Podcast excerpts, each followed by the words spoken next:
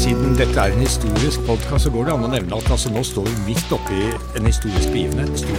Alle mennesker har vel møtt kunst, men de har ikke sett det. Du kan si at vikingen har blitt et globalt fenomen. Altså, Hvor vanskeligere enn det klar man så for seg. da. Det var sånn typisk sånn blue sky. Velkommen til Vestfoldmuseenes podkast Tidsfordriv. Hei, og velkommen til Vestfoldmuseenes podkast Tidsfordriv. Vi sitter i Thor Heierdals barndomshjem i Larvik. Og jeg sitter her sammen med Olav. Hei, velkommen. Hei, takk. Hvorfor er du her, da? Eh, ja, hvorfor jeg er her, det er vel eh, litt fordi jeg er barnebarn til Tor Herdal, og litt fordi jeg har vært ute på noen ekspedisjoner selv. Så det er vel derfor dere vil med meg, tenker jeg. Ja, det vil vi veldig gjerne. For det er jo noe med at dette Heierdal-navnet det er- det er- bærer kanskje en forpliktelse? Egentlig ikke. Jeg syns ikke det. Ikke opp gjennom eh, Altså, alle etterkommerne hans, så vidt jeg vet, i hvert fall, er, eh, har gått sine egne veier og gjort eh, det de har lyst til. Jeg har også gått en helt annen vei. Jeg er utdanna tømrer og bygningsingeniør, så jeg har ikke følt noe sånn forpliktende løp. Men du er tross alt barnebarnet av Kon-Tiki-Tor. Det stemmer. Det stemmer. Ja. Og da er jo jeg veldig nysgjerrig på hva har det gjort med deg? Jeg vet ikke om det har gjort så veldig mye med meg. Altså, når jeg ble født eh, Jeg er jo født i 1977. eh, Jeg er 44 år gammel. Og når jeg ble født, så var bestefar en verdenskjent eh, mann. Det er det jeg er vant med. For meg så er han bestefar, eller var bestefar, da. Så jeg, jeg har ikke noe Jeg vet ikke om det har gjort så mye med meg. Jeg har fått opplevd uh, mye spennende ved at han har vært min bestefar og var en uh, kjent fyr. Så jeg har fått vært med på mye, opplevd mye. Ja, for han var en kjær bestefar. For oss så bodde han jo mye i utlandet, han var ikke så mye i Norge. Nei, det stemmer det. Han bodde jo stort sett i, i sitt voksenliv så bodde han utenlands. Uh, han er jo begravd i Italia, eller urnen hans står der. Alle hans prosjekter var jo utenlands, så det var der han bodde. Men han var jo ofte på besøk hjemme. Eh, og da traff jo han alltid når han var hjemme i Norge, og vi dro ut og møtte han på hans prosjekter. Men når jeg sier at vi har vært på hans prosjekter, så var vi bl.a. ganske langt opphold i, eh, i Peru. Den utgravinga han hadde i, i Nord-Peru, i Tukume. Pyramideparken der. Og også på Tenerife, der han bodde i mange år. Så fra da å få lov å være med på ganske eksotiske ting, vil jeg si, det er de færreste som blir invitert inn på noe sånn, så valgte du selv en helt annen vei. Ja, det er jo Tenker du da på utdanning? Ja, eller? ikke sant? Ja. eh, Det, det starta vel egentlig for meg eh, Altså min retning i livet når jeg var på ungdomsskolen. eh, Gikk i niende klasse. Og skulle velge hva jeg ville drive med. Jeg var skolelei, trøtt, lei skole. Alle mine kamerater skulle begynne på allmennfag. Og jeg satt med ett utfylt søknadsskjema til allmennfaglig retning og ett til uh, yrkesfaglig retning med tømmerlinja. Og, og da valgte jeg tømmerlinja. Litt eh, tilfeldig, men jeg er veldig veldig glad for at jeg tok den retningen. Og det er jo egentlig det svennebrevet som tømrer er aller mest stolt av, av min utdanning. For det er jo noe med det der å jobbe med hendene, å være nær naturen. Ja, jeg elsker det jo. Jeg, å være kreativ og bruke hendene og skape noe. Så det er jo Når du står i det og du lager noe, det er jo én ting. Men det å, å se på hva du har lagd etterpå, det er jo det som er den største gleden. Altså Jeg tenker jo at det er noe av det som din bestefar også hadde. Altså det der å skape ting. Det å gjøre noe helt konkret. Har du tenkt på at det er en linje der? Nei, det tror jeg det er øh, du og alle andre som ser en kobling der. Jeg ser ikke den koblinga. Men en, øh, han var en kreativ fyr. Han var kjempeflink med henda. Flink til å tegne og flink til å spikke, skjære ut ting, lage ting. Og det er for så vidt jeg også. Jeg er ikke noe god til å tegne. Jeg er dårlig til å tegne. Men øh, jeg kan ikke gi han all æren for at jeg er en god håndverker, fordi min morfar også, han var murmester. Så jeg liker å tenke at jeg hadde også noe derfra. Det er en god kombinasjon, dette her, hører jeg. God kombo. Ja. Her i dette huset hvor vi sitter nå, så vet vi jo at din bestefar han tegna mye, han titta ut av vinduet, han etter sigende skal ha lengta ut. Når du da sier at du har vært på ekspedisjoner, har du hatt en sånn utfartstrang du også? Hva skal jeg si til det? Jeg, jeg, føler jo egentlig ikke det selv. Men uh, igjen, uh, når jeg skulle ta min ingeniørutdanning, da ønska jeg meg litt vekk. Uh, jeg dro over fjellene til Bergen alene, kjente ingen der. hadde lyst til å bare dra et sted og starte på en måte for meg selv. Tok utdanningen der. og så, når jeg hadde gått der i tre og et halvt år, så ble jeg igjen så ble jeg ikke noe sånn skolegutt. Jeg kom meg gjennom, men jeg syns ikke det er sånn kjempegøy. Trengte en miljøforandring, og da flytta jeg til Sør-Afrika for å skrive min hovedoppgave, bacheloroppgave. Så jeg vet ikke om jeg har noen sånn eh, utfartstrang, men jeg, jeg, liker å se andre deler av verden. ja. Det er jo altså, noe av det der indre drivkraften da, som kan være av og til veldig uttalt, og andre ganger så er det tilfeldigheter. Det er jo det. Mm. Men hvordan kom du i kontakt med noen som skulle reise på ekspedisjon? Nei, Det, det starta vel når jeg skrev hovedoppgave i Sør-Afrika. Så fikk jeg en eh, mail fra to karer. Eh, han ene heter Torgeir Higraff, og han andre het Inge Meløy. Og de eh, hadde da tydeligvis min bestefar som sin barndomshelt. Og så begynte det å nærme seg 60-årsjubileum til Kon-Tiki-ferden. Dette her var da i 2004. Kon-Tiki-ekspedisjonen var i 1947. Uh, og de uh, planla en uh, som en hyllest til bestefars og hans mannskaps Kon-Tiki-ekspedisjon. det å på en måte gjenskape den ekspedisjonen, men med modifiseringer på flåten. Altså veldig kort fortalt så ville de bygge den flåten bestefar ville bygget i dag, hvis han skulle gjort det på nytt. Og hvis jeg bare kan si veldig kort om det, så Gjerne, ja, ja. slet jo Kon-Tiki-ekspedisjonen og flåten veldig med styreteknikken. Mm. De hadde en lang styreåre en åre i akterenden av flåten. Eh, og flåten veide jo fort mellom 15 og 20 tonn. Så det sier seg selv at å holde flåten på kurs med en eh, styreåre i akterenden var fryktelig tungt og til tider umulig. Så de sleit jo veldig med å styre flåten over Stillehavet. Um, og så i årene etter Kon-Tiki-ekspedisjonen så forska bestefar veldig mye på hvordan uh, For han var jo overbevist om at uh, de polynesiske øyene var, um, om ikke befolket, men i hvert fall besøkt fra Sør-Amerika. Uh, og da det, fant han ut at de brukte såkalte guarabor, altså senkekjølsystem på flåtene, der du Eh, forandre arealet på kjølen under flåten. Og det var den teknikken vi utstyrte vår flåte med, som da het Tangaroa. Og seilte eh, fra Peru til Polynesia. Og det gikk litt raskere det da, med Tangaroa enn med Kon-Tiki? Ja, og det var for så vidt to grunner til det. Den ene grunnen var jo at Kon-Tiki-flåten drev med Humboldt-strømmen. Eh, og gikk i en bue opp mot ekvator og ned igjen til Polynesia. Og vi klarte å krysse Stillehavet mer på tvers, altså rett over, rett vest. Eh, det var det, den ene faktoren. Og den andre faktoren var at vi hadde et større seil, eh, som gjorde at vi klarte å holde en høyere fart. Og dette, dette, her er da basert på forskning? At man gjorde forbedringer? Ja, altså gjorde, ja, det at vi gjorde forbedringer, ja, tenker du på? Ja, ja, det er absolutt. Mm. Ja. Så betyr det at bestefaren din hadde skrevet ned veldig mye av de observasjonene de gjorde da de seilte Kon-Tiki? Det var ikke bare en tur, liksom? Nei, nei, absolutt ikke. Det var jo Han, eh, han gjorde eh, Kon-Tiki-ekspedisjonen for å vise at det var mulig. Mm. Eh, og så syntes han ikke eh, måten de gjorde det på, var godt nok. Fordi de hadde ikke en kontrollert, verken en kontrollert seiling over og heller ikke en kontrollert landing på den øya de kom til. Så i aller høyeste grad så var det et forskningsprosjekt for han, fra hans side. Eh, og de eh, Guarra-bordene som jeg nevnte tidligere, de fant han nedtegninger av, og også eh, eksempler på i bl.a. Pyramideparken i Peru.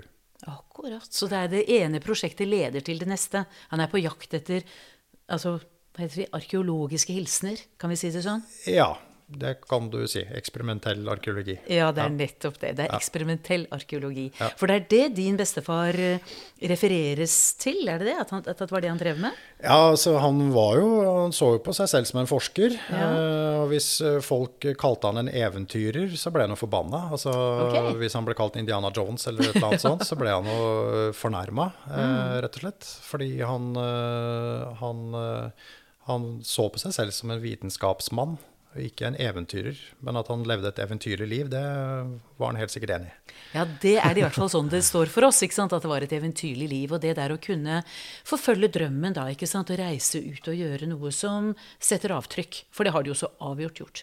Men du, hvordan klarte du å finansiere å reise av sted, da? Nei, vi hadde Det, var, det, altså det med å gjøre en ekspedisjon Mye av ø, jobben er jo nettopp å skaffe sponsorer. Uh, og når jeg fikk henvendelse om jeg kunne tenke meg å være med på en sånn ekspedisjon, så hadde jeg jo ikke fått uh, det spørsmålet hvis ikke jeg het Herdal til etternavn. Nei, jeg lurte på det. Nei, men det var faktisk uh, min Ja, hva skal jeg si? Det er jo kona til bestefar, da, som het Jacqueline. Hun tipsa da Torgeir og Inge og meg at jeg studerte i Sør-Afrika, og at jeg var tømrer og bygningsingeniør, og at jeg hadde min største lidenskap den gangen var dykking. Så sånn sett så var jo den ekspedisjonen som hånd i hanske for meg. Jeg er jo ikke noe forsker, jeg. Så for meg så var jo dette her et stort eventyr, selvfølgelig. Men hva ble din rolle om bord, da? Rolle om bord, det var jo sammen med Øyvind Lauten, som er da her fra Stavern. Jobba også ved Tor Herdal videregående skole. Han var jo en del av mannskapet, han også, så vi to hadde jo da ansvar for å bygge flåten. Jeg var også den som filma underveis under havoverflaten på hele overfarten. Og var under med dykkerutstyr og undersøkte stokker og rep, at alt var i orden. Du er jo en mann av mange talenter, hører jeg. ja, det er dine ord. ja, det, er, det, er, veldig sammensatt i hvert fall, og helt sikkert veldig flott da, for en ekspedisjon. For hvor mange var dere om bord? Vi var seks. Okay, og det var jo uh, igjen tilbake igjen til Kon-Tiki-ekspedisjonen. De var seks, og det er så enkelt som at du tar 24 timer delt på seks. Det er fire timers vakter. Så ja. Så enkelt. Så enkelt. Men det var, det var, mange nok på et så lite areal. Ja, altså det vil jeg jo tenke, for det blir jo et tett samliv. Det blir veldig tett. Det gjør det absolutt. Så det er vel det som er den største utfordringen. Det å være isolert uh, over så lang tid på et så, såpass lite areal. Var du redd? Nei, var ikke redd. Jeg hadde jo ikke noe seilererfaring fra tidligere. Men altså det, hodet har en uh, vanvittig evne til å tilpasse seg det miljøet man er i eller på. Så vi ble veldig fort vant til det lille arealet. Det ble liksom hjemmet vårt. Og som et eksempel på det, så når vi kom gjennom Vi seilte da til den samme øya som Kon-Tiki krasja på, Raroia. Og så for å vise at vi beherska, og at flåtene faktisk kunne vært utstyrt med disse senkekjølene, så seilte vi gjennom hele Polynesia til en øy som het Rayatea. Og Rayatea er en Ja, hva skal jeg si? Der, der er det i hvert fall sånne luksusresorts, altså turistifisert, en turistifisert øy. Mm. Mm. Og da ble vi invitert inn til et av disse luksushotellene. Alle i mannskapet. Vi fikk hvert, hver vår suite. Og vi bodde der én natt. Og etter den natta da ville alle tilbake igjen på flåten. Så da bodde vi resten av nettene på flåten. Du, jeg må spørre om, Ble du sjøsyk? Ja, jeg var sjøsyk i ca. 14 dager i starten. Fryktelig uvel. Jeg er jo ikke noe sjømann, men sjømenn kan også bli sjøsyke. Men etter 14 dager så begynte det å slippe taket. Og så til sammen så seilte dere hvor lenge? Ja, nå, Det første strekket fra Peru til Raruia var vel 71 dager. Mm. Eh, og så seilte vi tre uker til, så i overkant av 90 dager. Så da var det litt sjøgang i beina da du kom i land, da? Ja, det, vi hadde sjøbein. Absolutt. Men det var veldig deilig å komme til land også etter nesten tre måneder på havet. Så, ja. ja. Fersk kokosmelk. Så i etterkant, i ettertid, tenker du at dette var ditt livs største opplevelse? Jeg har barn, da, så det er jo litt vanskelig å ja, ja, si det. Ja, men, men, det er klart at det her har jo en, Det har vært en eventyrlig reise. Det tok jo Jeg pleier å si at det tok fire år av livet mitt fra, jeg, fra vi starta til med å samle sponsorer og hele den jobben. Alle reisene ned til Ecuador, Peru for å finne riktige stokker, store nok stokker drive rekognosering. Eh, hele ekspedisjonen og foredragsvirksomhet i etterkant. Det er fire år av livet mitt, så det var eh, Ja, det var eh, Jeg kjenner jeg får litt sånn frysninger på armene av å snakke om det. Det er jo en hyggelig ting, da, for det betyr at det har gjort et virkelig avtrykk. Og det, ja, ja. det må du ha gjort. Definitivt. Absolutt. Og så tenker jo jeg at du har rett og slett gått da i bestefars fotspor. Eller seilt. Ja, jeg gjorde i hvert fall det da. Ja. ja. Det var jo litt av poenget også, da, må jeg jo si det. Mm. At, eh, den, at vi, vi, hadde med bestefars eh, private dagbok, og vi hadde også loggboka etter Kon-Tiki-ekspedisjonen. Og de dro fra Peru, Lima, 28. april i 1947, og det var jo også et poeng at vi skulle dra 28. april nettopp for å kunne sammenligne observasjoner, eh, dagsetapper, vind eh, Ja. Vær og vind, rett vær og slett. Mm. vind. Og, ja. Men du, mellom deg og din berømte bestefar så finnes det jo en annen Tor, gjør det ikke det? Stemmer. Det er mange torer i Ja, det familien hos ja, det er mange Tor, ja. Ja. Men, men din far heter også Tor? Det stemmer. Han er utdannet Han er som akademiker. Ja, han er marinbiolog. Ja. Ja. Eh, men i de siste hva blir det, 30 årene av arbeidskarrieren hans så jobba han som lektor ved Lillehammer videregående skole. Akkurat. Så han hadde ikke den samme utfartstrangen som jeg kanskje sporer hos deg. Nei, altså han eh, Når, når min far, da, jeg, det er jo pappa Ja, ikke eh, sant? Så når han var 17 år, da skulle jo bestefar til på sin påskeekspedisjon.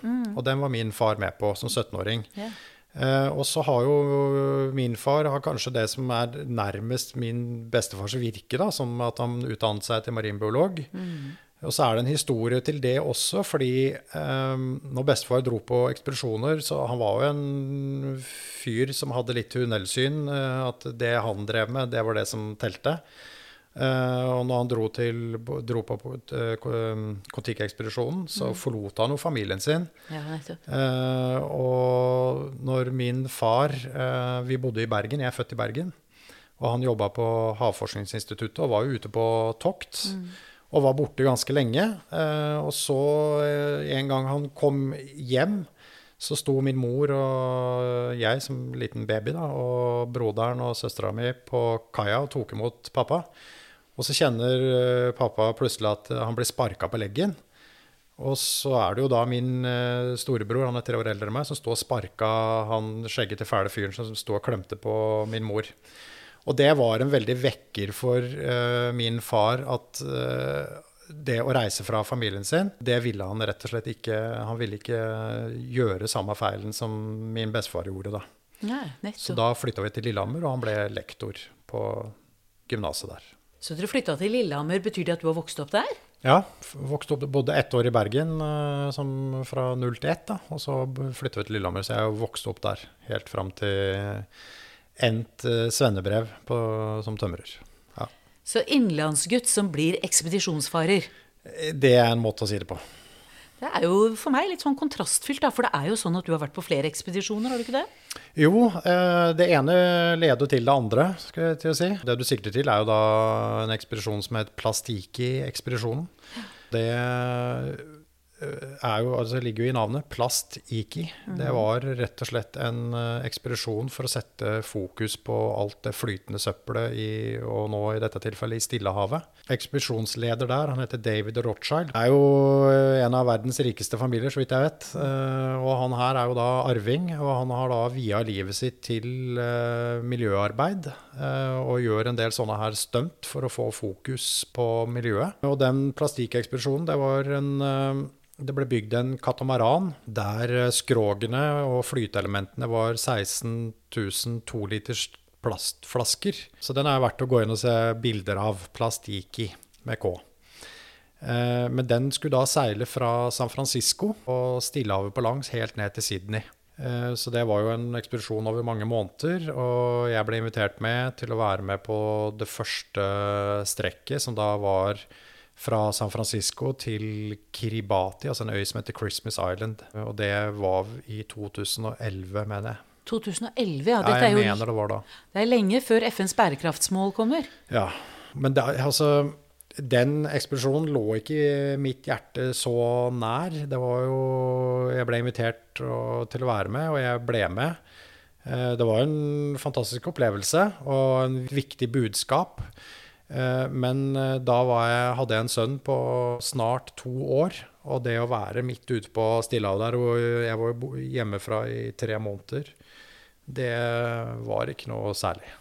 Nei, jeg, jeg kan tro at det ikke var noe særlig, men samtidig så er det spennende da vi tenker på nordmenn og det å være sjømenn og sjøfolk, og folk var jo borte lenge Ja da. ikke sant. Ja. Så det har skjedd noe med oss som mennesker, ikke sant. Ja. den der nærheten til familien, den er uh, viktig. Den var viktig for bestefaren din også, eller var det ikke det? Du nevnte noe om tunnelsyn.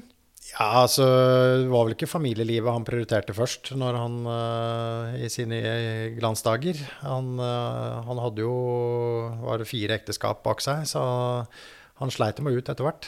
Så de får være med de som orker, hadde ja. vel en sånn sitat. Ok, uff a meg. Men, men din far valgte da det andre, ikke sant? For da reiser dere altså til Lillehammer, og der bor du i hele da, din barndom, og som jeg kan forstå, det er en trygg tilværelse. Ja, absolutt. Helt standard oppvekst, tenker jeg. Det var ikke noe så, Ja. Nei, for jeg tenker Det er jo fint å ha hatt en trygg barndom, og så nettopp fordi du vet hva en god barndom er, så kan du få lov til å bli med ut på ekspedisjoner, og så tenker du at nå har jeg gjort dette, sett dette, jeg reiser hjem igjen. Ja, det er jo ikke den eh, de, Ingen av de to ekspedisjonene jeg har vært på, har jo vært på mitt initiativ. Eh, Men når jeg er med, så har jeg lyst til å bidra. Eh, Da går jeg all in. Det gjør jeg jo når jeg gjør eh, ulike andre ting i arbeidslivet også, så er det jo all in. Gjør det ordentlig. Og så ønsker jeg jo selvfølgelig å bidra med noe, ikke bare med navnet. Som du sier, jeg vokste opp i Lillehammer, er en innlandsgutt og har levd et ganske sånn vil, vil si et ganske normalt, normal oppvekst. Den Tangaroa-ekspedisjonen var jo De trengte på en måte Herdal-navnet om bord. Eller det hjalp i hvert fall med tanke på å få mediefokus. Eh, Men det var kanskje min største frykt. Det var å treffe alle mediene og være eh, ansikt utad. Frontfigur.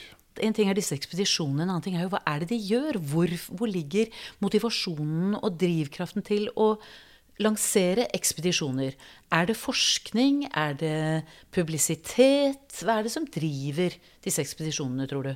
Ja, hva tenker du på? Tenker du for min del, eller for Ja, selve nei, nei, altså ekspedisjonens de, del? ja, nei, for ekspedisjonens del. Altså i utgangspunktet. Ja, I utgangspunktet, så når det gjelder Tangaroa-ekspedisjonen, da var det en kombinasjon med altså et forskningsprosjekt eh, for å kartlegge forskjellene, hva som har skjedd på 60 år. Eh, Men det var også en, eh, en hyllest til eh, Kon-Tiki-ekspedisjonen og bestefars arbeid. Og så var det selvfølgelig et, et eventyr for oss, ekspedisjonsdeltakerne. Men man har jo forskjellige innfallsvinkler til hvorfor man gjennomfører ekspedisjoner. Altså hvorfor gå til Sydpolen på ski? Hvorfor klatre opp på Mount Everest? Hvorfor krysse Stillehavet på en balsaflåte? Nei, altså jeg tenker jo at nettopp det er det som er spennende. da, ikke sant? Dette med Ja. eventyrere, eventyrlyst. Eller er du drevet av vitenskap? Er du drevet av Ja. Det kommer helt an på hvem du spør. Hadde du spurt bestefar, så hadde han vært drevet av vitenskap. Ja. Eh, Hvis du spør de som eh, skal opp på Mount Everest, så er du eventyrlyst. Men hadde du noen observasjoner med miljøfaktorer da du seilte på din første ekspedisjon? Ja, da, vi måtte jo krysse gjennom Humboldt-strømmen, og det er en ganske kraftig strøm eh, i, utenfor, altså som går fra syd til nord, da, på en måte, og, og drar over mot vest, opp mot ekvator. Der kryssa vi det jeg vil kalle et belte med plastsøppel, før vi kom ut, ut av strømmen, da, kryssa hovedstrømmen. Hadde du uttalt dette, tenker du, i noen sammenhenger som gjorde at Rothschild tok kontakt med deg med sin ekspedisjon? At dette var noen av observasjonene som ble hengende etter den første ekspedisjonen du var med på? Nei, jeg tror ikke det var hovedgrunnen. Jeg tror uh, hovedgrunnen til at jeg ble invitert med på plastikkekspedisjonen var øh, mest pga. mitt etternavn og min erfaring med øh, Tangaroa-ekspedisjonen. Ikke nødvendigvis hvilke observasjoner vi gjorde underveis. Hans fokus var å få ja, rett og slett få fokus og oppmerksomhet mot de flytende søppeløyene i Stillehavet. Ja, og vi så ikke sånn kraftig plastforurensning på vår ekspedisjon. Ikke så kraftig som de flytende søppeløyene som vi snakker om, Som vi vet finnes. Som vi vet finnes. Men du hadde sett det på den første ekspedisjonen? Det hadde jeg. Flytende søppel så vi. Men vi kryssa ikke gjennom en søppeløy. Nei, nei, Det gjorde vi ikke. nei. Så når du kommer midt ute på Stillehavet, i Sydstillehavet der, så er, er vannet ganske rent, altså. Det var jo veldig oppløftende.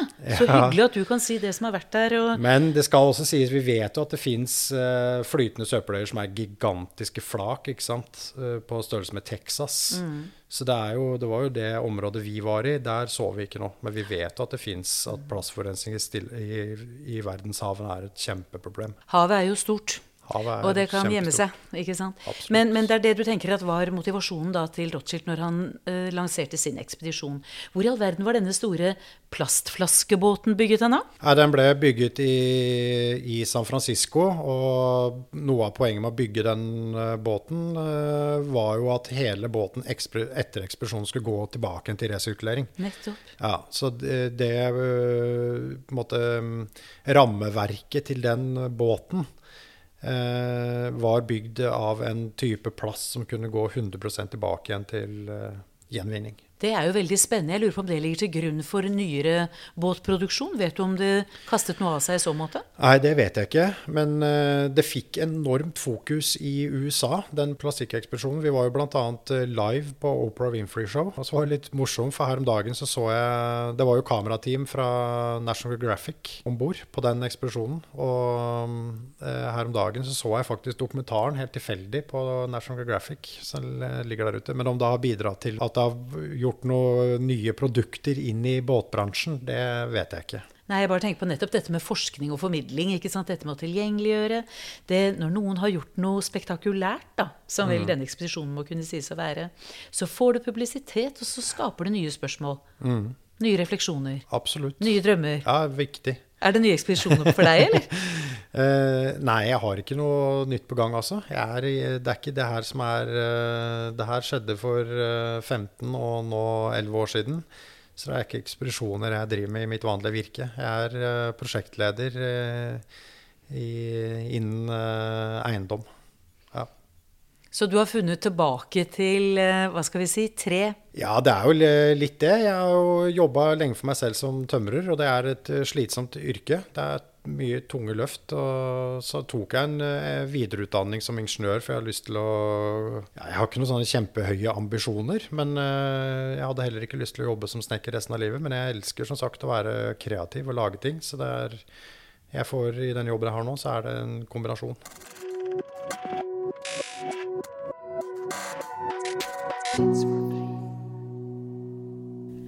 Olav, du sa tidligere, hvis ikke jeg husker feil, at du hadde brukt fire år av ditt liv mer eller mindre på den første ekspedisjonen fordi det ble mye etterarbeid og formidling, kanskje. Hvem er best å formidle? En som er forsker, eller en som har reist uten forskerkompetanse? Det kommer litt an på hva man skal formidle, tror jeg. Eh, Men en kombinasjon tror jeg helt klart er fint.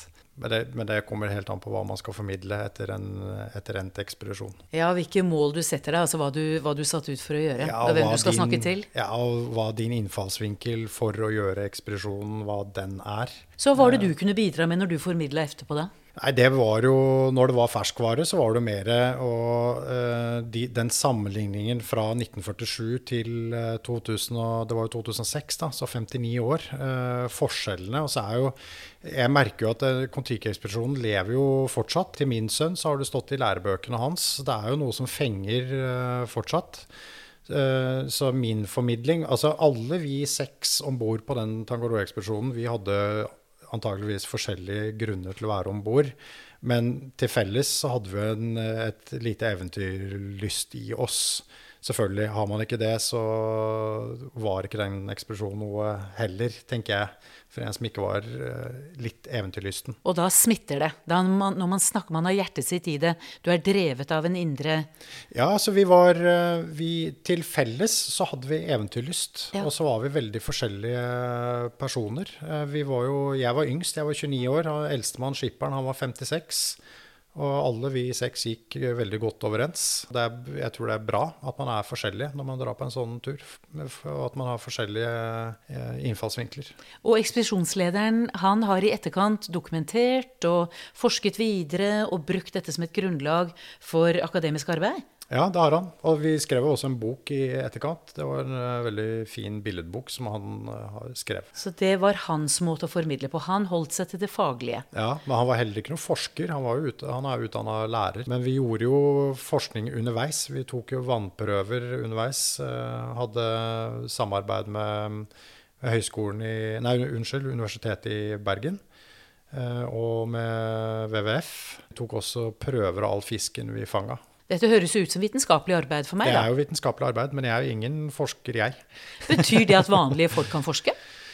Ja, det syns jeg absolutt. Syns jeg. Hvis det er en interesse der, så kan man helt klart det. Kombinere det. Litt nerdete, kanskje? Ja. Men det er kjærlighet, og det er jo drivkraft. Ja, absolutt. Ja. Så din indre driv til nå da å velge et annet liv, det var at du er ikke en forsker? Nei, men jeg har aldri higa etter å være noen sånn veldig evig å dra på sånne type ekspedisjoner. Jeg fikk muligheten og tok den, og jeg tenker at det er viktig at man, eh, at man tar de mulighetene som kommer. At man, hvis man begynner å si nei for mye, så kommer det ikke flere muligheter. Det var en veldig fin avsluttende kommentar, Olaf. Da sier vi tusen takk for at du kom tilbake til Bestefars hus og var med oss i Larvik i dag. Takk skal du ha. her. Takk for det.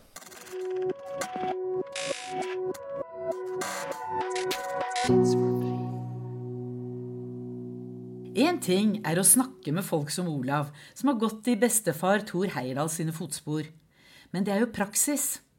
Hva med teorien og faget?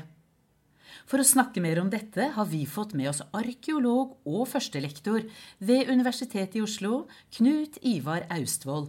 Velkommen til deg, Knut Ivar. Tusen takk skal du ha. Det er veldig spennende for oss å få lov til å snakke med en som har dette som faget sitt. Og du må altså fortelle meg, hva er arkeologi?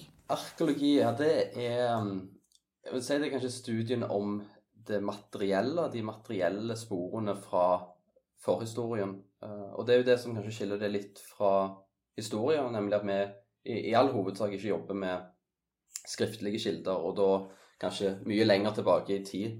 Eh, Og det vi prøver å gjøre, er å gjøre ulike tolkninger ut fra det vi finner i hovedsakelig i jorda. Eh, Og målet er å forklare og dokumentere da, altså spor etter menneskelig utvikling og prøve å forstå eh, både samfunnsstruktur og oppbygging av samfunn, eh, men kanskje òg kollapsen, kollapsen av samfunn. Så altså rett og slett eh, hvordan folk levde i gamle, gamle, gamle dager? Ja, du kan si det på den måten. Og så er det jo det å ta i bruk eh, litt forskjellige metoder for å komme fram til det. Så det, det kan jo være selvfølgelig artefaktene som menneskene har lagd, men det er jo òg kanskje biologiske spor, og studere landskapet, studere økologien. Så eh, jeg må jo nesten si at det er tverrvitenskapelig disiplin. Vi, vi plukker og tar litt fra, fra forskjellige andre eh, fag. Eh, det er òg kanskje derfor det har blitt kalt dette lånefag. Eh, vi tar både fra eh, litt historie og antropologi og eh, filosofi. Og det, det er mye forskjellige elementer her. Og nå, eh, de siste årene, så har det jo vært en, en stor oppblomstring innenfor eh, metoder innenfor naturvitenskapen, som òg arkeologi er eh, veldig involvert i. Spesielt DNA-studier. Går kanskje litt tilbake til eh, tanker og teorier som var på Thor Heyerdahl sin tid. Å, dette er jo kjempespennende. Men du, du brukte et ord som jeg ikke er sikker på at folk kan. Altså, du sa artefakter. Hva er det for noe? Ja, det er jo bare objektene som mennesker har lagt i, i forhistorien. Mm. Og det er nå rett og slett alt. Alt fra hus til keramikk til små eh, flintbiter som de har brukt til å lage, lage pil, piler og økser, økser og, og så videre. Eh, Ja, så mange vil også kanskje si at det, det er søppelet da etter eh, de forhistoriske menneskene. Ja, søppel er jo ofte viktig, og kilder til kunnskap har jeg forstått. Det er jo kjempespennende. Men du, eh, så har jeg også da hørt et annet ord, og det er at man sier eksperimentell arkeologi. Hva er det da? Eh, Ja, altså eksperimentell arkeologi det er vel en underdisiplin innenfor denne store paraplyen som er arkeologi. Uh, og det, det finnes mange underkategorier som både eksperimentell arkeologi, uh, miljøarkeologi, antropologisk uh, arkeologi, historisk arkeologi osv. Men, men eksperimentell arkeologi går i all hovedsak på å teste ut eh, hypoteser og teorier som man kanskje sitter på, gjennom eh, praktiske eh, metoder. Enten det er å prøve å, å lage en flåte og, reise med den, eller det er å eh, prøve å bygge en øks og, og reprodusere, så, så nær det er mulig da, reprodusere eh, elementer av forhistorien. Sånn at man kan finne ut rett og slett hvordan redskaper ble brukt, og hvordan de ja, rett og slett klarte å skape disse artefaktene, eller objektene da, som du var inne på tidligere. For å sette det inn i en sammenheng, på en måte. Ja, helt klart. Det er det å sette det inn i en, inn i en sammenheng. Så det er her det som er viktig med den eksperimentelle arkeologien, er, er samarbeidet mellom det teoretiske bakteppet og tankene vi har omkring hvordan det var å leve i forhistorien, og så er det det praktiske elementet. Og her må vi jo kanskje òg eh, få drahjelp av eh, andre fagfolk. Eh, så det er en veldig sånn, interessant og spennende disiplin som for så vidt eh, si, oppsto kanskje tydeligst på sånn, rundt 60-tallet med en, en, tradisjon som ofte kaller den prosessuelle arkeologien. Eh, litt etter Tor Heyerdahl sin Kon-Tiki-ekspedisjon. og da er målet her er å få finne ut av det målbare. Det målbare med forhistorien. Kan vi komme til en objektiv sannhet eh, i, fra forhistorien? Og det, det, er jo ganske vanskelig, men eksperimentell arkeologi er jo et verktøy da, for å komme eh, nærmere uh, disse svarene.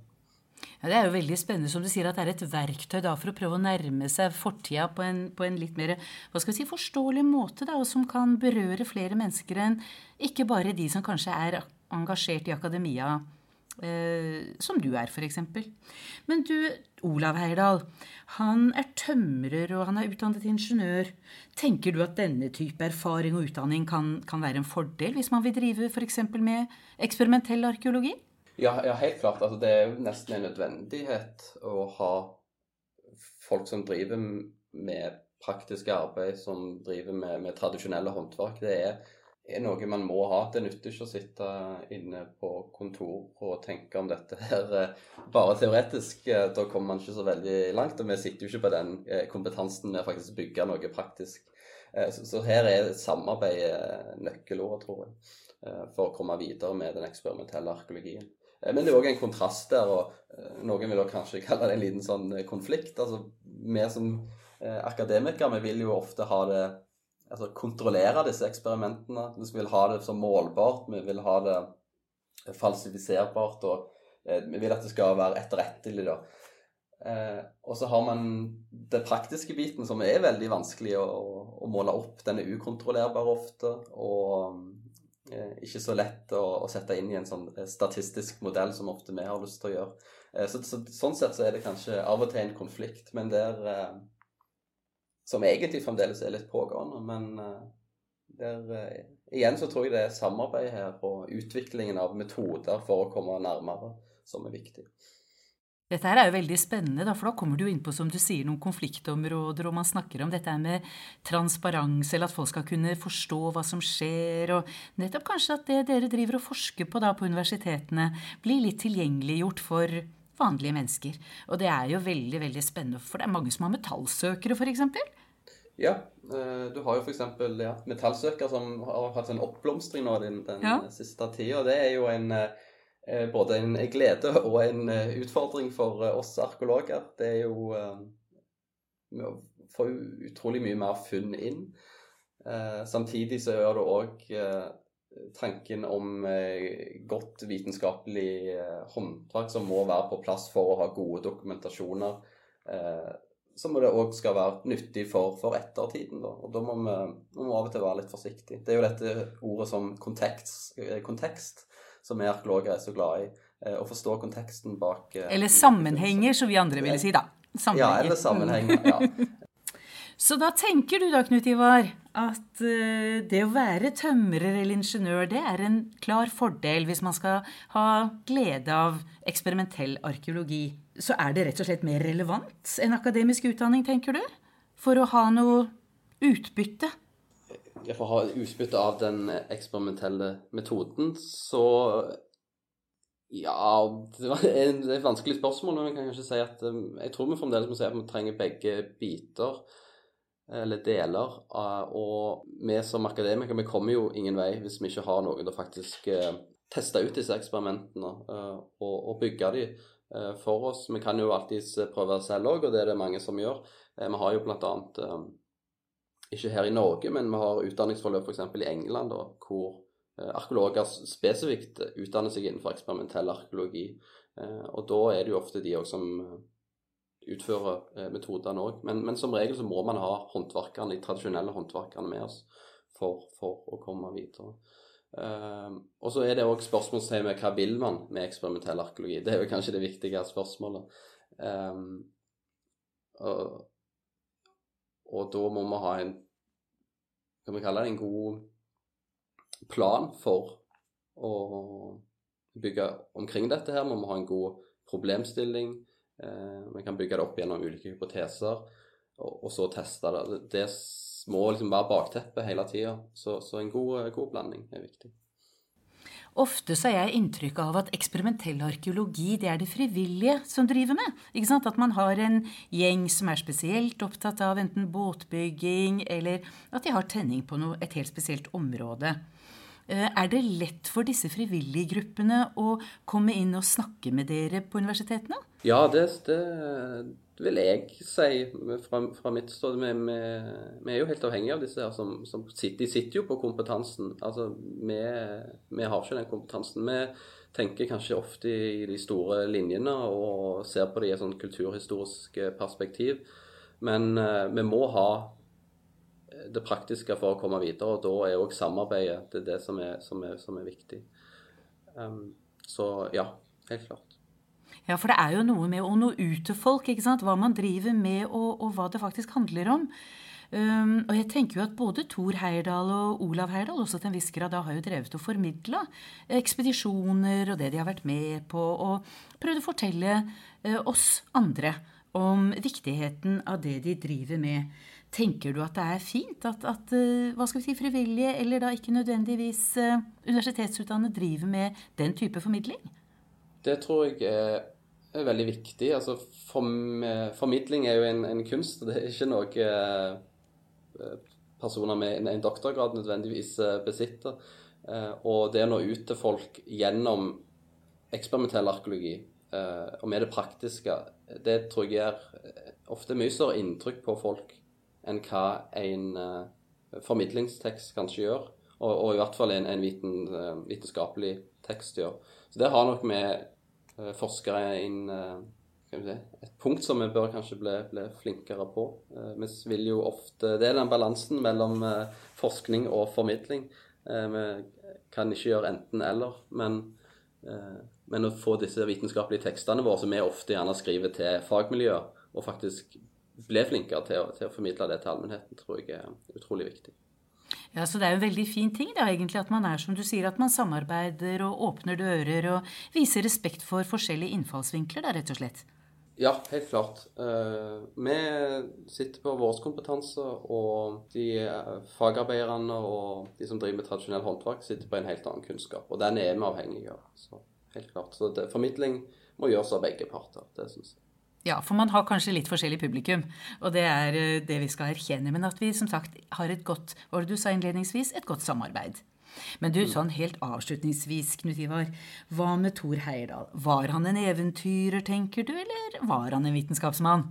Ja, det er jo et litt vanskelig spørsmål. Han hadde jo eh, Utgangspunktet hans var jo eh, vitenskapen.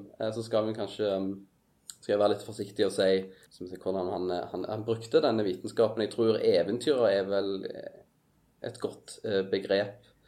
Og, men kanskje ikke, verken eventyrer eller uh, vitenskapsmann, så var jo kanskje en, en formidler. Og det, det, er jo kanskje et, uh, synes jeg et veldig viktig poeng å få fram. Og det inspirerer. Jeg har jo flere arkeologistudenter som vi underviser, som gjerne vil snakke om Tor Heyerdahl, og de har lest bøkene han har publisert. De har inspirert han og kommer videre inn, inn til oss og vil gjerne ta en grad innenfor arkeologi. Så, så, formidlingen er, er utrolig eh, viktig. Men han har um, Må òg si at um, vi er jo alle eh, barn av uh, vår tid.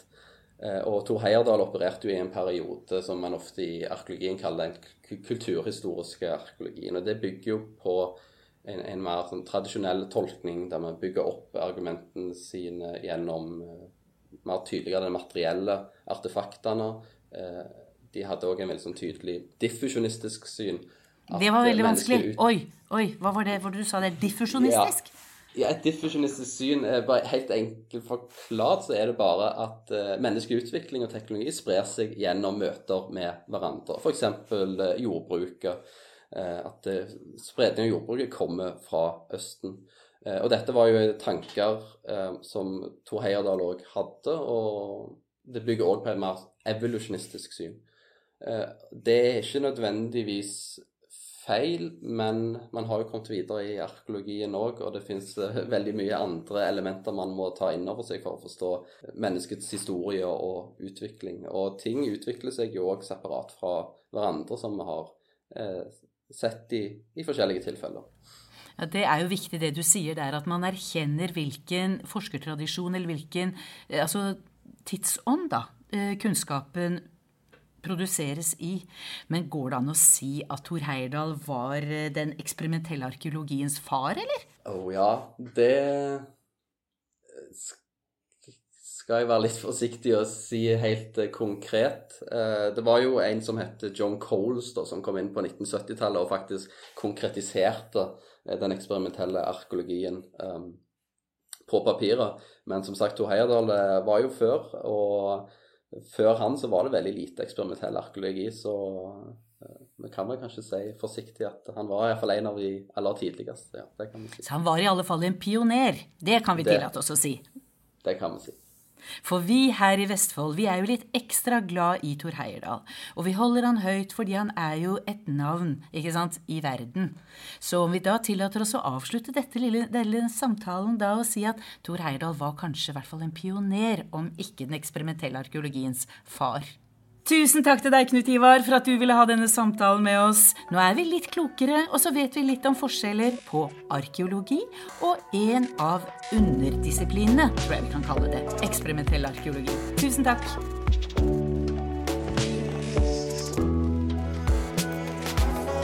Tidsfordriv er en podkast fra Vestfoldmuseene og er laget av produsent Susann Melleby, lydtekniker Jon Anders Øyrud Bjerva og meg, Ellen Asplin. Ønsker du å kontakte oss? Send en e-post til kommunikasjon at vestfoldmuseene.no.